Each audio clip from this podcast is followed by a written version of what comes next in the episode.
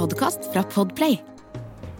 Et grått tåketeppe ligger over novemberettermiddagen i Florida, USA i 1989. 51 år gamle Richard har akkurat stengt butikken hvor han selger elektriske varer, og nå kjører han rundt i sin store stolthet, den hvite Cadillacen. Han er rastløs. Han hadde vurdert å dra på strippeklubben nede i gata, men av en eller annen grunn kjører han forbi når han kommer dit. Ikke lenge etter ser han en blond kvinne stå langs veien. Og han kjører rolig bort til henne og stanser, før hun åpner døra og setter seg inn ved siden av ham. Richard har sett henne før, men bare på avstand, og da var hun ganske lekker. Nå ser han at ansiktet hennes er herja. Hun kunne ikke ha vasket seg på flere dager. Håret er fett og bustete, og hendene har brune, møkkete striper. Da skal jeg faen meg få den blowjobben billig, tenker Richard. Vrenger bilen ut på veien og setter kursen mot skogholtet. To uker senere blir liket av Richard funnet i skogen av to turgåere. Han var naken, har fått søppel, blader og møkk helt over seg. Og i kroppen er det tre kullhull. Ikke så lenge etter blir nok en ihjelskutt mannekropp funnet i skogsområdet rundt Florida. Og da et tredje lik i samme forfatning dukker opp, tar politiet opp jakten på en seriemorder. I vitnemålsutsagnet som senere blir gitt i rettssaken, forteller den siktede prostituerte Eileen Warnos at hun hadde siktet pistolen mot Richard og sagt You son of a bitch, I knew you were going to rape me. Richards siste ord i live var ifølge Warnos No, I wasn't. No, I wasn't.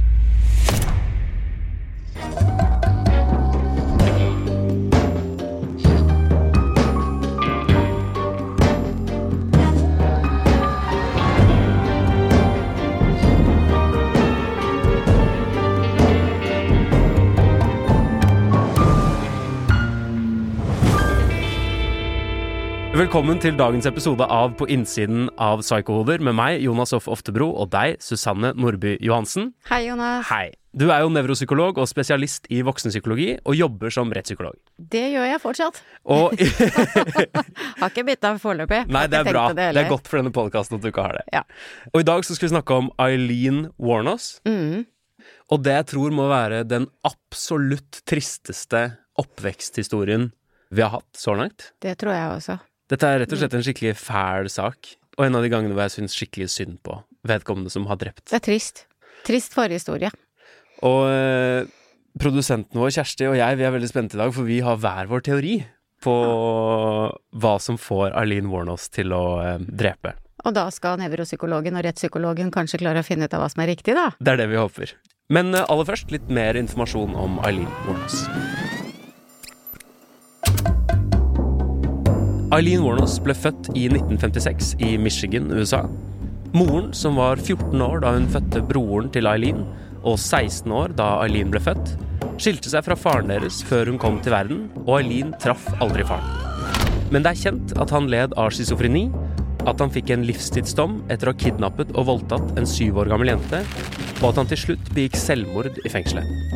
Etter at moren forlot de to barna da Eileen var fire år, vokste de opp hos de alkoholiserte og voldelige besteforeldrene i den tro at de var foreldrene. Under oppveksten hadde hun en seksuell relasjon til broren og ble trakassert og banket opp av bestefaren. Og som tiåring hadde hun begynt å selge seksuelle tjenester til guttene i nabolaget. Hun gjorde det dårlig på skolen, hun ruste seg og sloss med de andre elevene, som mobbet og kalte henne Sigpig fordi hun solgte sex for sigaretter som betaling.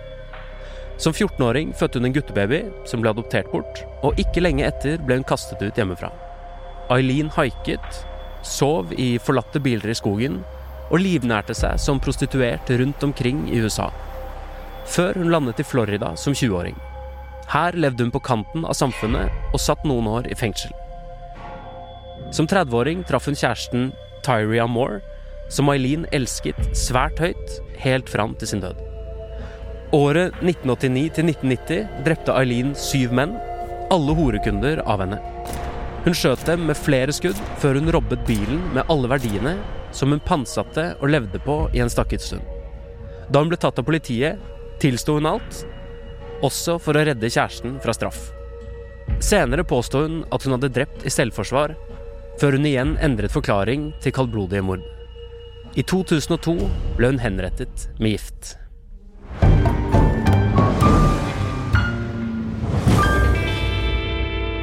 Det var litt av eh, bakgrunnsinfoen til Eileen Warnos. Ja, en forferdelig trist historie. Ja, helt jævlig. Ja. Hun har jo starta helt, helt feil, rett Ja. og slett. Så her er det jo mye som kan gå gærent. Det er mye som kan gå Altså, jeg vil si at helt fra unnfangelsen så har hun på en måte hatt verden litt sånn mot seg, da. Jeg har litt lyst til å starte med å prate om genetikk. Ja, det syns jeg er et riktig utgangspunkt å starte med her. Ja, for det er Det er ikke så ofte at vi har eh, en eh, morder som har så liksom Eller som har foreldre med så mange problemer selv. Mm.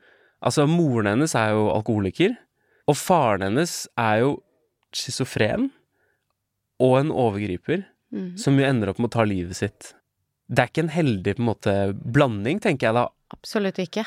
Og Eileen ender jo opp som en slags sånn syntese av Av de det. to. Ja, og så alt det hun opplevde i etterkant av at Ja, ja. mammaen forlot dem når hun var eh, fire år, så kan man jo ikke akkurat si at eh, hun har hatt noe det vi kaller for en sunn tilknytning til noen nærperson, som skal være den som gjør at du vokser opp og, og klarer å knytte deg til mennesker på et naturlig vis. Men- Psykologisk sett så var hun skada helt fra starten av, tenker Ja. jeg. Men i en sak som Marlene Warnos, da så Jeg skjønner at det er umulig å på en måte tildele prosentandeler og sånn, men hvor mye har genetikk å si, da, kontra miljø? Ja, hadde jeg visst det, så skal jeg gjenta det jeg har sagt tidligere, at da hadde jeg vel kanskje fått en nobelpris hvis Ja. vi hadde klart å ta ut det. Ja. Jeg tenker jo at eh, den genetiske bakgrunnen din har veldig mye å si, men miljøet ditt som du vokser opp i, har betydning for hvordan den genetikken utvikler seg. ja. Sånn at eh, hvis hun hadde vokst opp i et eh, fint og ordentlig miljø hvor hun hadde fått noen gode nærpersoner og trygge nærpersoner å vokse opp med, så kunne det gått veldig bra hvis disse besteforeldrene faktisk hadde behandlet henne ordentlig. Men sånn i forhold til psykiske lidelser og sånn, så kan man jo utvikle det uavhengig av det. Men det kan vi ta når vi kommer litt seinere ut i dette her. ja, for la oss gå videre til eh, Moren hennes forlater henne jo som fireåring. Mm. Etterlater henne hos sin far og sin mor, som jo er alkoholikere, og hvor faren er eh, både voldelig og forgriper seg på henne. Du ser jo allerede her at noe går i arv. Ja. Her har du jo alkohol i generasjoner, blant annet, altså avhengighetsproblematikk i generasjoner. Mm. Og på farssiden her så har du jo da den voldeligheten. Så her er det mye som tilsier eh, genetikk. Ja, men vi snakket også litt om det i Edgar Antonsen, det der å, å bli eh, liksom forlatt av moren sin, og så blir man i tillegg puttet inn i et miljø som er såpass eh, jævlig som det er, da. Mm. Og da trenger du å finne én nærperson, og hun fant jo absolutt den nærpersonen, da. Ja, det gjorde hun jo. Ja. For hun danner jo et intimt forhold til sin egen bror, Keith, Mm. og det mener hun jo selv at uh, var en fin relasjon. Den er jo helt skeiv. Personlighetsmessig og psykologisk. Ja. Når den personen du har nær tilknytning til, som er tryggheten din, også blir et seksuelt forhold, da er det ikke en grei tilknytning. Nei. Og det betyr jo også at hun som både voksen og ungdom ikke klarte å stole på noen mennesker, for det var jo ingen som var gode mot henne. Det er jo den største skaden, egentlig. Og derfor klarer du ikke å knytte deg til mennesker over tid heller, fordi at du stoler ikke på at noen av de vil deg vel. Du har ikke opplevd at de har vært snille med deg. Nei. Og det kommer jo da med eh, Tyria, da. Det er jo hun som på en måte ble den som hun klarte å knytte seg til, som også jeg tenker var et, et noe spesielt og kanskje litt sykt forhold, da. Ja. Vi skal komme tilbake til det. Jeg har bare lyst til å snakke bitte litt mer om den eh, overgrepsrelasjonen som oppstår med han bestefaren. Fordi vi har snakket veldig mye om mannlige seriemordere som veldig ofte observerer vold i nære relasjoner utført mot kvinner i sin familie. Mens her så er det faktisk en kvinne som opplever den volden Hun blir utsatt, og hun blir utsatt for det eh, fysisk på kroppen sin. Ja. Eh, og når noen tråkker over den intimgrensa di, så er det en mye, mye sterkere opplevelse enn hvis du ser Altså, du blir skadet av å se vold også, og se andre bli utsatt for overgrep, men når noen utsetter deg for et eh, seksuelt overgrep, så tråkker det veldig over og inn på kroppen din, sånn at det blir både en fysisk og psykologisk reaksjon på det. Og det sitter igjen i kroppen. Når vi tenker på traumer sånn i voksen alder, hvor det faktisk da for noen går ganske bra, så er det eneste som sitter igjen er stressreaksjonen i kroppen, hvor de ofte også kanskje ikke klarer å definere hva er det som har skjedd med meg, for veldig mange glemmer hva som har skjedd med dem når de er liten. Det er en del av den, Mm. det som kalles for en PTSD og en kompleks PTSD, det er hukommelsesvansker. Ja. Men kroppen din husker. Ja. Og kroppen din reagerer automatisk i situasjoner hvor du blir trua. Og da får du en stressreaksjon som gjør at du ikke klarer å reagere på vanlig vis. Enten så fryser du i situasjonen og gjør bare det du blir bedt om å gjøre, eller så stikker du av, eller så fighter du som bare fanden. Og da kan man jo begynne å lure på hva, hva var det Eileen gjorde? I noen tilfeller det ene, og i noen tilfeller det andre. Ja. Og når hun da etter hvert begynte å fighte, så endte det jo opp med drap, da. For da gjenopplevde hun jo også det som hun var blitt utsatt for. Ja. For hun sier jo ganske tydelig at hun ble utsatt for voldtekt av disse mennene som hun drepte. Ja. Hun ble også utrolig tidlig eh, prostituert, altså hvis det går an å kalle det det når man er så ung. Hun er ti år og begynner å selge sex for sigaretter, og etter hvert også dop og penger.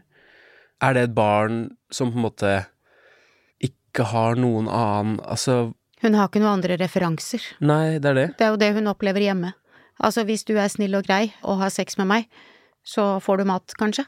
Ja. Da lærer man jo at eh, for at jeg skal få noe her i verden, så er jeg nødt til å gi noe. Ja. Og da er det det hun har lært. Hun blir også mobbet av de andre barna, og det er vel på en eller annen måte den eneste formen for relasjon hun har til liksom andre barn, bortsett fra én venninne. Sigpigg, liksom. Ja.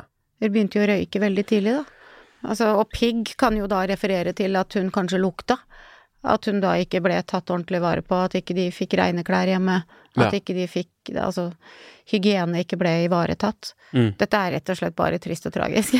Ja, og tristere og mer tragisk skal det bli.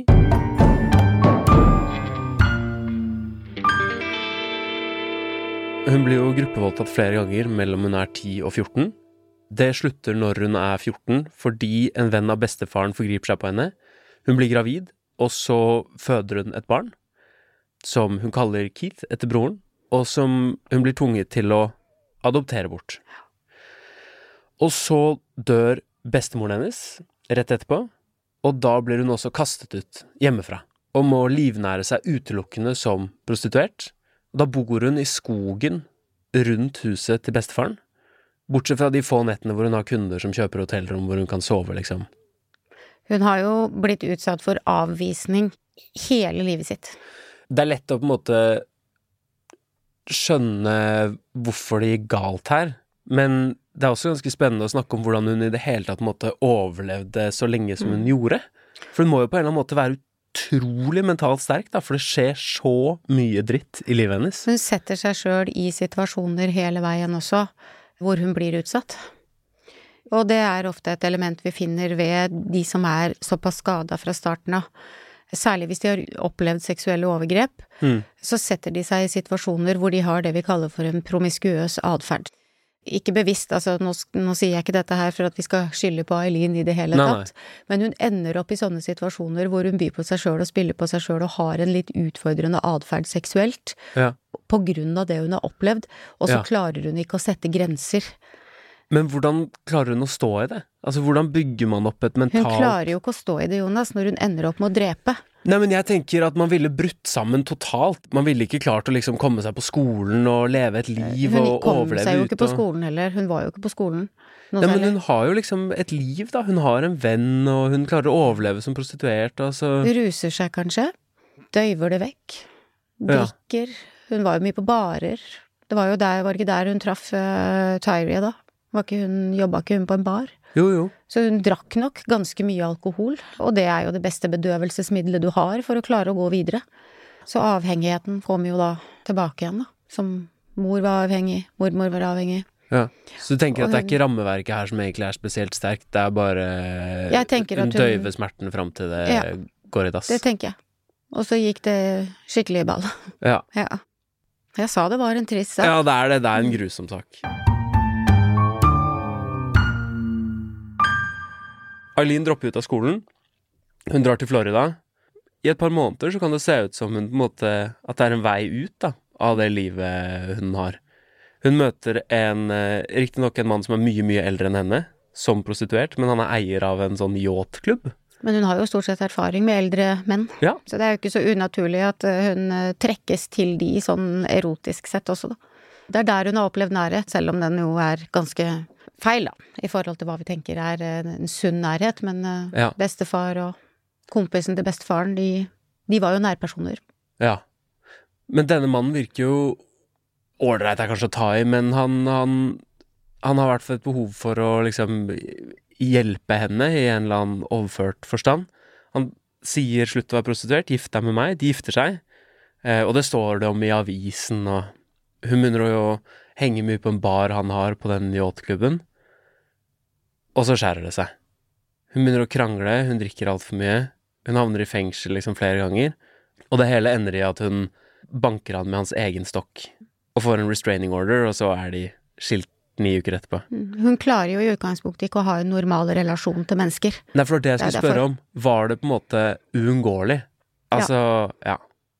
Den døra kunne aldri Den tror jeg aldri kunne vært åpen. Eh, Nei. Ikke når hun fremstår så skada som det hun gjør, sånn psykologisk sett, tenker jeg. Nei, det var for seint. Det var for seint. Og så utøver hun jo også da vold, kanskje som noe av den første gangen, ja. mot han. Så her ser vi jo også den voldelige atferden som da går i arv. Bestevenninnen, hun tror ikke på at det var Eileen som var voldelig i det hele tatt.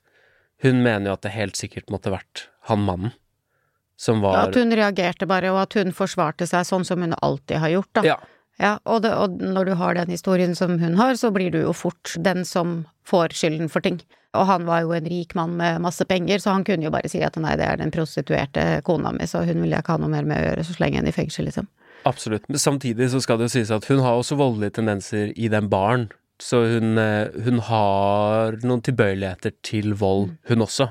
Ja. Uten at man vet hvem av de som Utøvde det. Ja, mm. først. Og så, det jeg på en måte i hvert fall har tenkt at um, er et slags vendepunkt da for Eileen Warnos, der det begynner å liksom gå skikkelig nedover, er uh, broren hennes, Keith, som er den ene personen, i hvert fall i oppveksten, på en måte har hatt et nært forhold til. Han dør av kreft. Hun arver 10 000 dollar av han, og så begynner det å gå rett nedover. Hun begynner å gjøre væpnede ran, hun havner i fengsel, hun driver med identitetsforfalskning, hun putter pistoler på folk og truer dem for penger, hun sitter litt i fengsel. Her er det liksom over et par år, da, så bare du kan jo si det sånn at eh, altså, med et eh, vendepunkt for henne Den eneste grunnen til at hun kanskje holdt seg oppe, da. Du spurte i stad hva er det som gjør henne faktisk sterk. Jo, mm. det er kanskje den ene broren som var hennes eneste person i livet hennes, mm. som holdt henne oppe. Og når han da ikke er der mer, hva har jeg da å streite meg opp for? Da kan jeg like gjerne bare la det fyke. Mm. Ikke sant? Jeg har ingen. Da, nå er det jo i hvert fall ingen som bryr seg om meg lenger. Så broren var kanskje en noe stabiliserende faktor, da. Ja. Over, litt over tid, men når han ikke er der, så går alt gærent. Det kan være det vendepunktet som gjør at det utvikler seg til mange forskjellige ting, da. Ikke bare selger sex, men at hun da utvider repertoaret sitt litt. Kan vi vel kanskje kalle det. Ja, det kan vi kalle det. ja.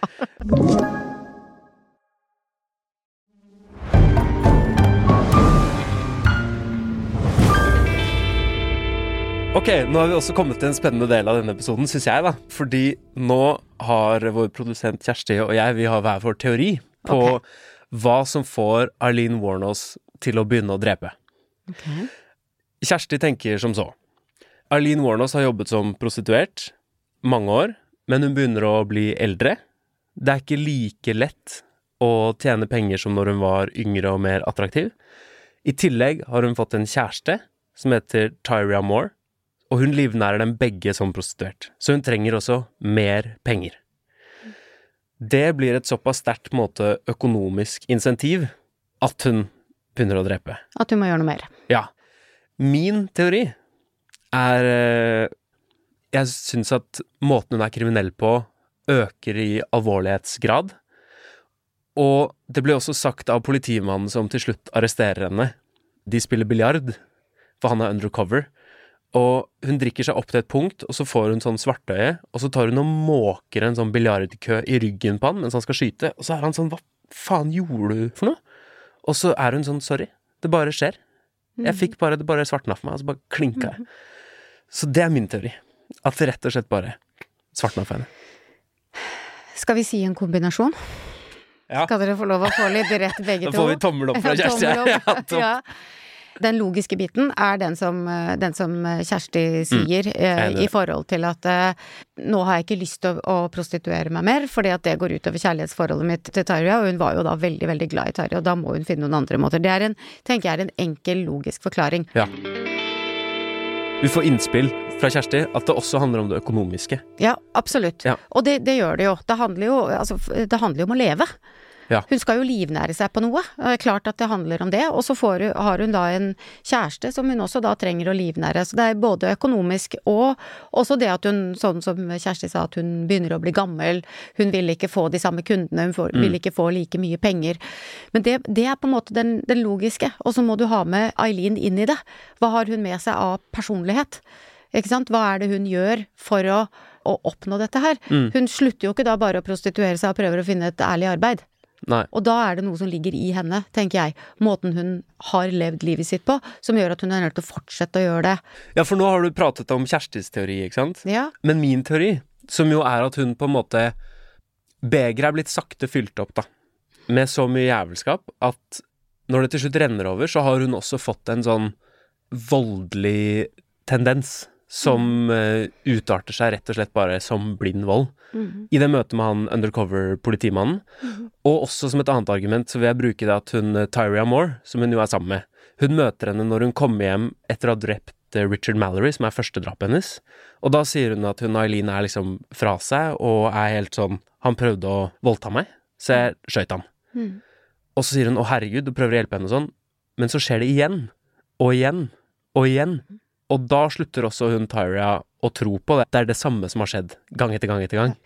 Det jeg har tenkt i den historien hennes, er jo at hun har med seg en genetisk sårbarhet. Som du sier at nå er, nå er begeret fullt. Da kan det faktisk tippe over til, til psykisk lidelse. Mm. Og da kan vi ta med oss arven fra pappa. Ja, hvordan da? På schizofreni. Ja. Ikke sant. Og traumer og schizofreni utvikling av schizofreni i, i voksen alder, når vi går tilbake i historien, stort sett i utredning av personer som utvikler schizofreni, så finner vi traumer. Så finner vi vold, vi finner overgrep, vi finner brutte relasjoner. Som da senker terskelen for utvikling av alvorlig psykisk lidelse. Mm. Så det kan godt hende at noe av det som skjer når denne broren dør, er at det, da er det fullt. Da ja. har hun ikke lenger noe forsvar. Ja. Jeg er vel tilbøyelig til å tenke det som en, en, forklaring, men også at det da eskalerer de andre tingene som handler om økonomi, og at hun er blitt gammel med å finne andre alternativer. Hun ønsker kanskje ikke å skade Tyria med å fortsette å være prostituert, så da gjør vi andre ting. Ja. Men den voldelige sida hennes, den tenker jeg er en del av henne. Og i de relasjonene hun har, så er det mye vold. Og da må jo hun reagere også. Ja, det er på en måte det hun kjenner. Ja, det er det hun kjenner. For det er jo også sånn at um, Det er jo åpenbart et økonomisk insentiv her òg. Fordi ikke bare dreper hun disse mennene, men hun raner dem jo òg. Og så gjør hun noe som jeg syns er litt spesielt. Hun drar på sånn pawnshops i USA og pantsetter tingene hun har stjålet. Under falskt navn som man skulle tro at var ganske smart. Men det som liksom feller henne til slutt, er jo at hun da også på noen steder legger igjen fingeravtrykket sitt. Som jo finnes hos politiet. Og da tenker jeg det er ikke så veldig gjennomtenkt. Eller at hun kanskje ikke var så smart. Ja, nei, det kan jo også hende, da. Fordi hun burde jo visst at de fingeravtrykkene lå hos politiet, i og med at hun har sittet i fengsel. Og selv om hun putter falske navn, hvis hun putter tommelen sin på der, så kommer de til å finne henne. Men hun var litt smart òg. Fordi ja. hun drepte ikke på samme sted. Hun flytta seg rundt, hvilket var en av grunnene til at det tok så lang tid før de egentlig klarte å connecte, eller altså samle disse sakene. Ja. Så hun var litt smart, fordi at hun visste at politiet i det ene fylket, eller county, da, ikke samarbeida med de i det fylket der. Politietaten i USA var jo lagt opp på en helt annen måte før enn det den er lagt opp nå. Så det tok ganske lang tid før de klarte å se at her har vi faktisk en seriemorder òg. Så det er klart at når hun gikk inn i den pornshopen, så tenkte hun ja, men jeg er jo sikker allikevel. De klarer ikke å finne ut av dette her. For de snakker jo ikke sammen. Nei. Så smart på én måte, men på en annen måte så må du jo skjønne at eh, fingeravtrykk kan, avsløre deg, ja, men jeg tror ikke hun klarte å, å sette likhetstegn mellom de handlingene. For Nei. hun tenkte at hun beskytta seg ved å flytte seg rundt. Ja. Kan det også være, hvis hun sliter litt med psykisk sykdom, at eh, det er vanskelig for henne å på en måte skjønne alvorsgraden av det hun har gjort? Selvfølgelig. Altså at hun kan tenke at hun faktisk har gjort de tingene i selvforsvar hver gang, Mhm. selv om situasjonen kanskje ikke har vært sånn som hun har trodd at den har vært, da. Men det er klart at det har hun jo tenkt. Og det er jo det hun sier, at det var selvforsvar. At hun drepte fordi at hun ble forsøkt voldtatt. Mm. Og det er klart at hvis du har en, er veldig sårbar, så kan du jo eh, gjentagende ganger oppleve at du blir utsatt for noe. For det virker jo som det prostituerte ble borte med disse mennene etter hvert, så det var ikke det hun sto på veien og haika for. Det var jo faktisk da for å rane de for å få penger. Ja. Og så kan du jo si at uh, skal ikke skjære alle menn over en kam som blogger om damer underveis, men at de har lyst på noe annet enn enn å ta opp en haiker. Jo, på 80- og 90-tallet så var det jo faktisk mange som reiste rundt og, og plukket opp eh, med nettopp det som formål å voldta. Ja. Eh, Eller skaffe seg sex uten samtykke, da. Mm. Og det må jo Eileen uh, ha visst. Mm. At hun utsatte seg for den situasjonen. Men hun har jo levd i sånne situasjoner hvor hun har blitt utsatt. Så for henne så er det ikke sikkert at den situasjonen er så farlig allikevel. Nei. Så jeg tenker at hun var svært skadet. Ja. Og at hun da bikker over og til slutt tar livet av noen, nesten litt greit.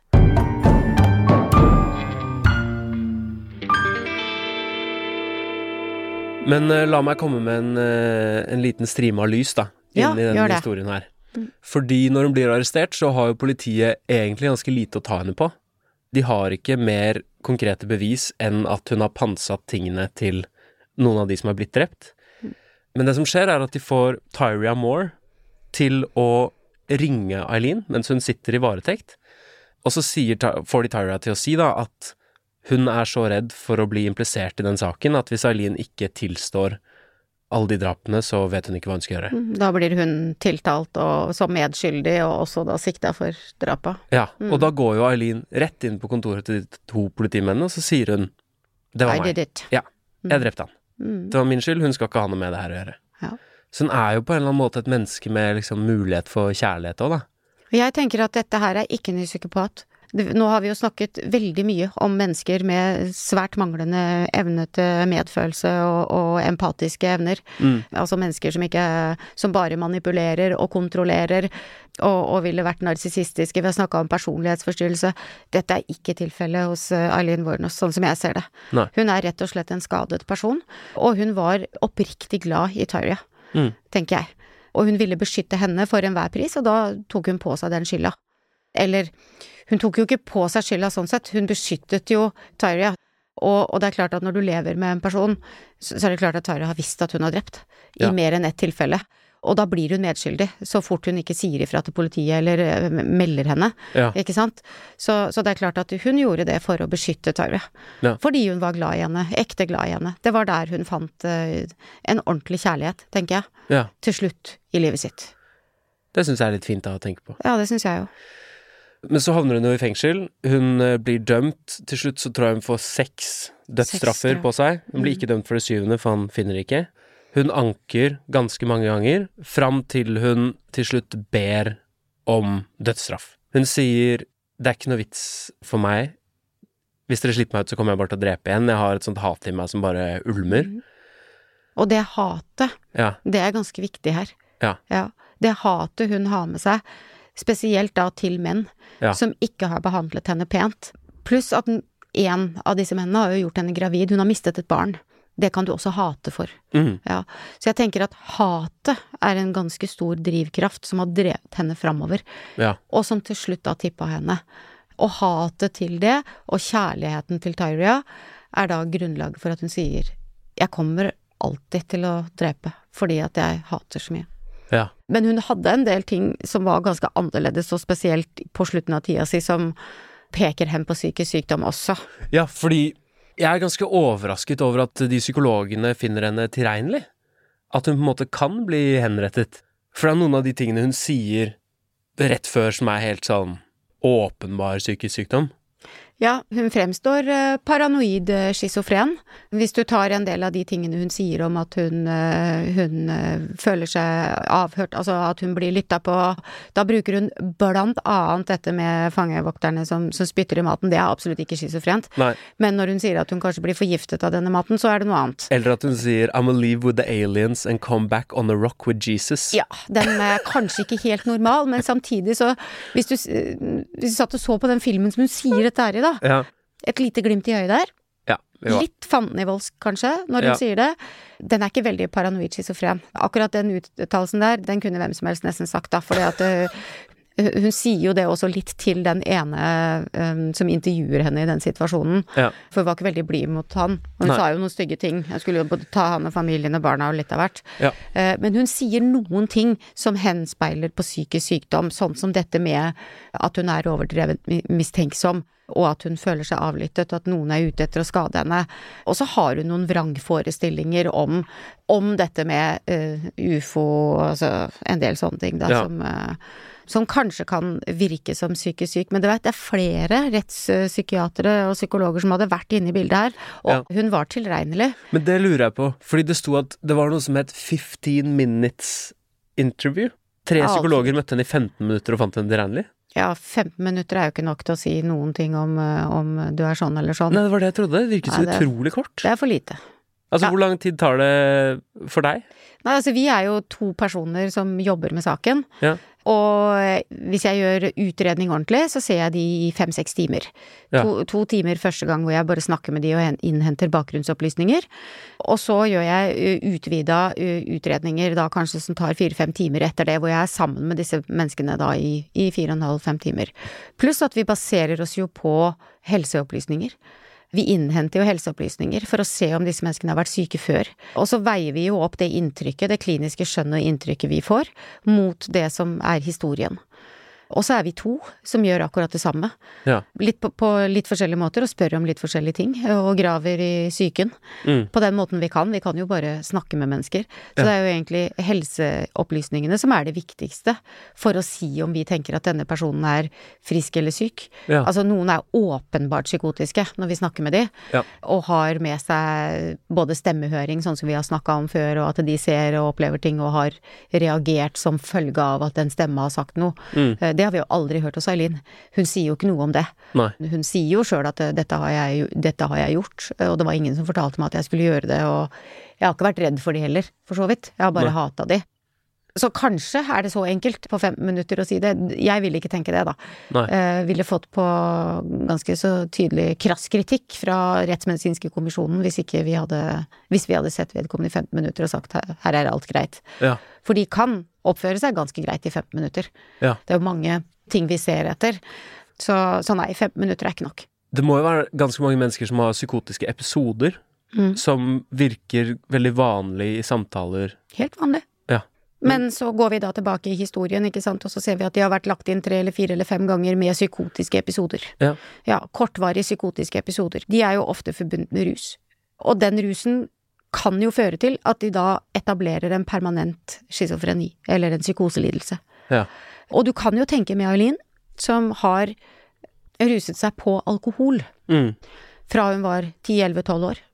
Du kan få uh, ganske betydelige skader i hjernen din å eh, drikke alkohol sammenhengende i 20-30 år. Mm. Da kan du få en demenslignende sykdom. Ja. Du kan få noe som heter Korsakoff psykose, som ser ut som paranoid schizofreni. Men det er en hjerneskade som følge av at du får en demensaktig sykdom, altså det blir hjernesvinn, Ja. som fører til at du da, hjernen ikke kommuniserer som den skal, og så får du psykotiske symptomer. Så det var vel ingen som har tatt noe bilde av hjernen til eh, Eileen i etterkant? Nei. Nei. Hvis de hadde tatt bilde av den hjernen, så Mm. hadde det vært veldig spennende å se. Ja. For hun som da hadde schizofreni i arven sin fra far, Ja. Pluss da ha drukket veldig mye alkohol, som Mm. gjør hjernen veldig sårbar, enten en klassisk eh, paranoid schizofreni, Mm. eller en Korsakoff psykose, Ja. som da er en eh, alkoholindusert psykosesykdom. Spennende. Fikk vi litt skikkelig fag på slutten der. Yep. Vi har snakket om eh, Eileen Warnos i dag. Jeg syns det er en utrolig trist sak. En av de seriemorderne jeg på en måte har mest sånn sympati og forståelse for. Mm. Jeg syns livet Ja. har vært utrolig urettferdig mot henne. Helt enig med deg. Hva føler du vi kan lære av Eileen Warnos?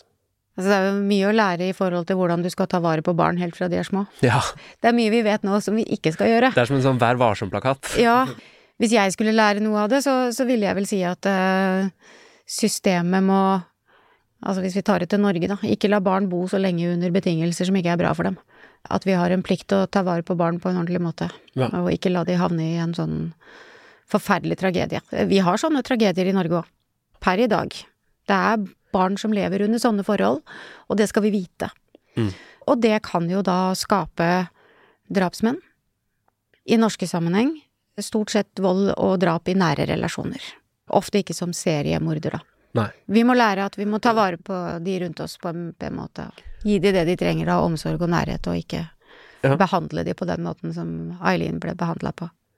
Vi pleier å si er det noe man kan kjenne seg igjen i med Eileen Warnos. Og der føler jeg at veldig ofte så er det sånn her vil jeg ikke kjenne meg igjen i noen ting. Altså sånn å, heldig og privilegert nok til å ikke kjenne seg igjen i så mye i hennes liv. Men samtidig så føler jeg at sånn Føler hun har liksom et lyst på et sånt bare, Liv. Ja, på et liv. Og på Et liksom vanlig liv. nære relasjoner og Mm. ha det trygt og sånn. Det er jo egentlig veldig gjenkjennelig. Ja. Jeg kan godt kjenne meg igjen i hat. Ja. Og kjenne seg igjen i det å ville drepe. Oi! Ja. Ja. Ja, noen som ikke er eh, snill med deg. Jeg har jo eh, jobba eh, mye med personer som har vært utsatt for vold i nære relasjoner og overgrep. Ja. Og det er nesten uten unntak at de sier 'jeg kunne godt ha drept han'. Og det tror jeg de fleste mennesker kan kjenne seg igjen i. Men når hatet blir patologisk og fører til drap, så er det jo kanskje ikke noe vi har lyst til å kjenne oss igjen i, og derfor så er det også veldig mange som er redd for å si det, og sette ord på det. At når de lever i sånne relasjoner som Aileen har gjort, for det er noen i Norge som har levd i sånne relasjoner òg, Ja. at de da sier at eh, de tør ikke å si at eh, jeg har også lyst til å drepe. Så jeg har ingen problemer med å kjenne meg igjen i atferden og hvordan ting eh, endte opp her. Ble nesten litt redd, jeg. Ja, du gjorde det? Jeg skal Nei ikke drepe noen. Dette har vært en trist, men, eh, men en fin episode, da. Det syns jeg. Mm, veldig fin episode, syns jeg. Men vi får kjent på noen andre følelser enn det vi egentlig har kjent på før, når vi har sittet her. Absolutt. Neste uke skal vi prate om Alex Murdoch, som er blitt en kjempesak i USA. Altså, de dokumentarene på Netflix er utrolig spennende. Så de vil jeg anbefale folk å se før neste episode. Ja, du skal leite lenge etter generasjoner med patologi. Ja. Jeg gleder meg veldig til Ja. å, å, å snakke om Alex Murdo og familien hans. Det gjør jeg jo. Og så håper jeg at alle som har eh, lyttet på i dag, vil lytte på neste gang òg. Vi setter kjempepris på det. Jeg håper at hvis dere liker podkasten, at dere gir oss en god rating på Apple Podcast eller på Spotify eller der du hører på podkast. Ellers, vi høres neste uke. Takk for i dag. Takk for i dag.